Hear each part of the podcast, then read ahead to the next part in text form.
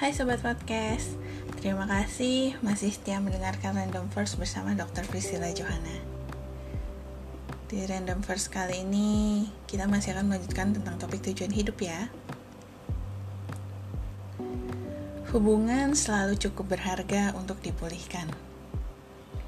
Tentunya, hubungan di sini berarti luas, tidak hanya terbatas pada konteks pasangan saja loh. Karena hidup adalah tentang belajar bagaimana mengasihi, Tuhan mau kita menghargai hubungan dan berusaha memeliharanya. Bukan mencampakkannya kapan saja ada perselisihan, luka hati, atau sebuah konflik. Karena kita dibentuk untuk menjadi bagian dari keluarga Tuhan, dan maksud tujuan kedua dari hidup kita di bumi adalah untuk belajar bagaimana mengasihi dan berhubungan dengan orang lain, pendamaian adalah salah satu keterampilan paling penting yang bisa kita kembangkan. Berikut beberapa saran yang mungkin bisa membantu untuk memulihkan persekutuan.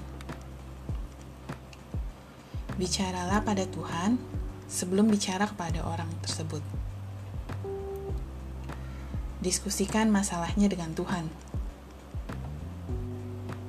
jika kita berdoa tentang konfliknya terlebih dulu dan bukannya bergosip dengan seorang teman, kita sering kali akan menemukan bahwa entah Tuhan yang mengubah hati kita atau Ia yang mengubah orang itu tanpa bantuan kita.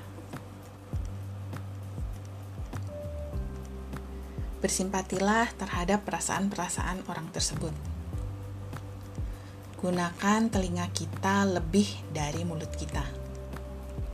Mulailah dengan simpati, bukan solusi.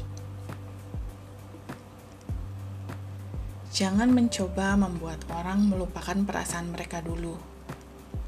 Dengarkan saja, dan biarkan mereka mengeluarkan emosinya tanpa bersikap defensif.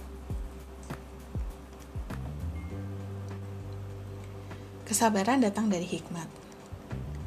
Hikmat datang dari mendengarkan sudut pandang orang lain. Terimalah tanggung jawab akan kesalahan-kesalahan kita dan mintalah maaf. Serang masalahnya, bukan orangnya.